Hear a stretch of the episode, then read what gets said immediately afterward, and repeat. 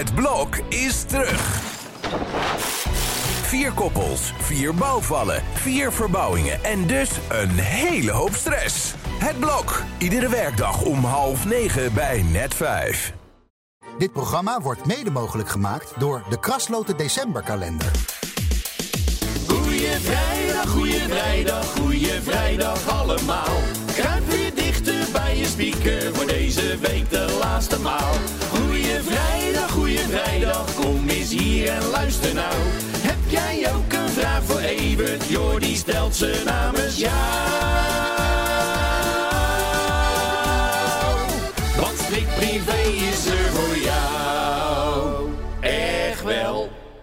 Hoeveel x'en waren er? Het waren er een hele hoop. nou, gaan er maar voor zitten, mensen. Ah, de Wallabies, wat zijn we er ook dol op. Hè. Ze gaan ook Ahoy doen trouwens. Ik zeg- Ja, de Wallabies in Ahoy is ook enig. De thuiswedstrijd voor ze in Rotterdam natuurlijk. En eh, ja, het is eh, een leuk tuentje op de vrijdag altijd. Zo is het. We gaan er eh, vrolijk in met eh, alle vragen van de luisteraars die deze maand weer binnen zijn gekomen. Krijgen gewoon een schorre Ja. stem van. Maar ik heb ze net allemaal zitten oefenen natuurlijk. Hè.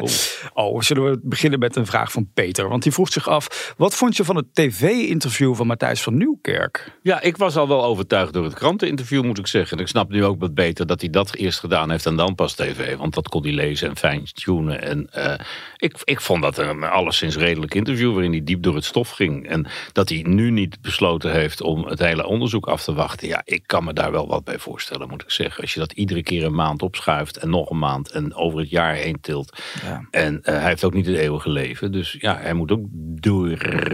En eh, dat is, eh, ja, het, het is hem gegund wat mij betreft. Ik, Ja. ik, ik vind het duidelijk. Die visagiste was dan weer boos. Ja, op een gegeven moment moet er toch een streep onder Het zou is ook lang geleden dat wij het verhaal, het verhaal brachten natuurlijk dat er van alles aan de hand was met Matthijs. Als het Ja. toen was ingegrepen, dan eh, was het allemaal niet zo ver gekomen.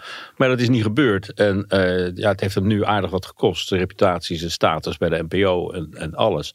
Maar ja, ik denk dat je na ruim een jaar toch wel moet zeggen dat iemand weer aan de bak kan. Als Ja. er verder niks naar boven gekomen is wat eh, strafbaar is. En je kon nu ook echt zien dat hij er spijt van heeft, vond ik echt aan zijn gezicht, hoe hij eruit ziet. Het Nou, is, hij zag er oud uit. Ja. ik. Het was toch altijd een, eh, wat oudere jongere. En eh, eh, ja, ja, dat was er wel een beetje vanaf. Dat engele haar ook.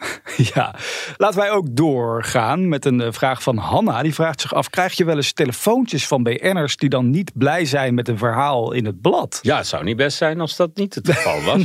Eh, ja, het is altijd. eh, Kijk, ik roep altijd van als ze gaan trouwen, dan bellen ze zelf. Als ze gaan scheiden, moet ik bellen. Ja. En ja, dat is in, in, in, in, in, in een notendop het, het, het probleem wat er is. Onze belangen lopen natuurlijk niet altijd samen. En daar kun je ook goede afspraken over maken. En ik roep ook altijd van ja, maar je gaat scheiden. Je straks weer een nieuwe liefde hebben. Dan zou je toch eerst moeten scheiden, ook voor het publiek. Want anders denken ze, hé, die is toch Ja. al getrouwd.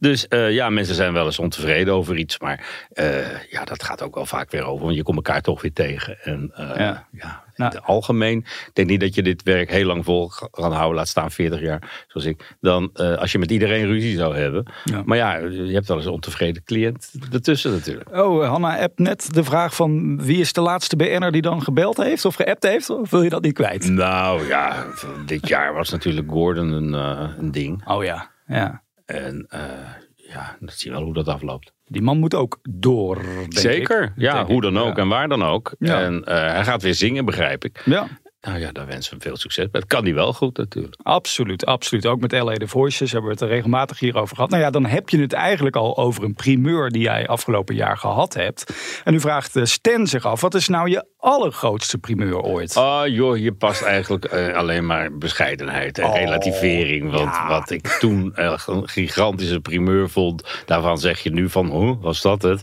Maar ik, ik roep nog altijd dat interview met Gerda Spit. Ja. was natuurlijk, dat, dat zie je dan ook weer voorbij komen. Zodra problemen zijn met Jan Smit bij Volendam, dan eh, zie, je Gerda Smit weer overal voorbij komen bij VI en alles.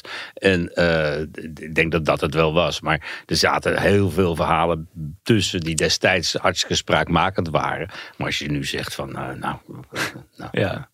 Ja. Kan je nog wel eens trots worden op jezelf als je dan een bericht eh, hebt waarvan je denkt van nou, Dat ligt toch maar mooi in de winkels deze week. Nou, ik vond dat het testament van, van Hazes en net een jaar daarvoor het testament van eh, Prins Bernhard. En dat waren wel verhalen waar Nederland over sprak. En wat dat mooie is, als je dit werk dan toch doet en een spraakmakend blad wil maken. Als Ja. je dat dan in handen hebt, dan denk je van nou, daar zal Nederland wel over lullen volgende week. En dat is dan ook het geval. Jij eh, omarmt dit vak, dat weet ik, omdat wij hier iedere dag zitten. Maar toch vraagt eh, Loes zich af, welk vak zou je gaan beoefenen als er een volgend leven zou bestaan? Ja, dan zal het toch eh, iets van vliegen of zoiets eh, Vliegen? Ja, Oh. ik, ik heb altijd gedacht van ik word advocaat. Nou, dat heb ik er nu eh en passant bij gedaan. Aldoende. Advocaat van de duivel? En, maar ik zou toch, een vriend van mij die was, was piloot. En daar ben ik eens mee naar Amerika gevlogen. En toen dacht ik, jezus, het is toch ook wel een leven hoor. Wauw. Dat is, wel- Ja. dat is wel vroeg op en al rare tijden. Maar ja, hij is 55 en hij zit al lekker thuis joh. Na een leven in de zon. En je komt nog eens ergens. En je komt, nou zeker, je komt nog eens ergens. Wij zitten hier toch weer iedere dag in deze grijze podcaststudio. Ja, zoiets was het geworden. ja. Het gekke is dat hij dan was gaan doen wat ik nu eh, gedaan heb. Oh ja? Ja. had hij hier tegenover Ja. me gezeten? Hoe, had, hoe heet hij? Nou, het, ja, ja, dat kan ik Erik. Erik, nou, Erik en Jordi, de strikt privé podcast. Wellicht ooit in een volgend leven. Ehm, wat is het showbiz huwelijk van het jaar? Dat is de volgende vraag. Nou, ja, ik, ik, ik vrees dat van eh Freek en, eh Suzanne. en Freek. Ja, in de, Ja. Die, op die aparte locatie. Dat, in het rare klooster van die secte. Ja, dat is toch ook nog steeds een heel raar verhaal. Ja, maar steeds meer mensen trouwen ook maar in het geheim. En doen hun uiterste best om in het geheim.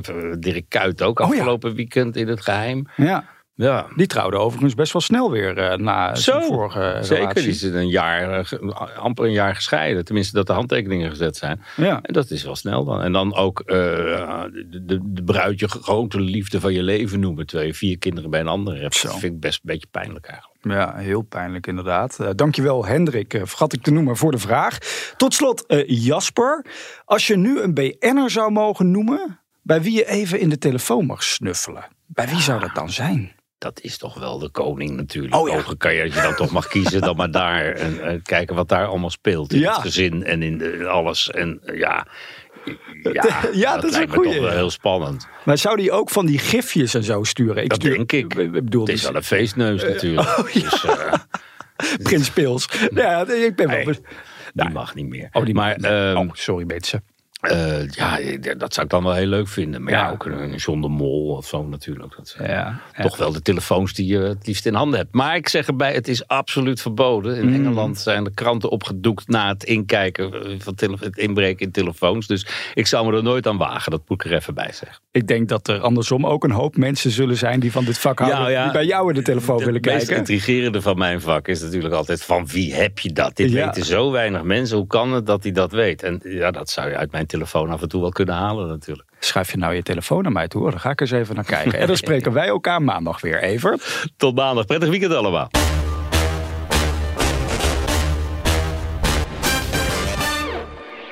Dit programma werd mede mogelijk gemaakt door de Krasloten Decemberkalender.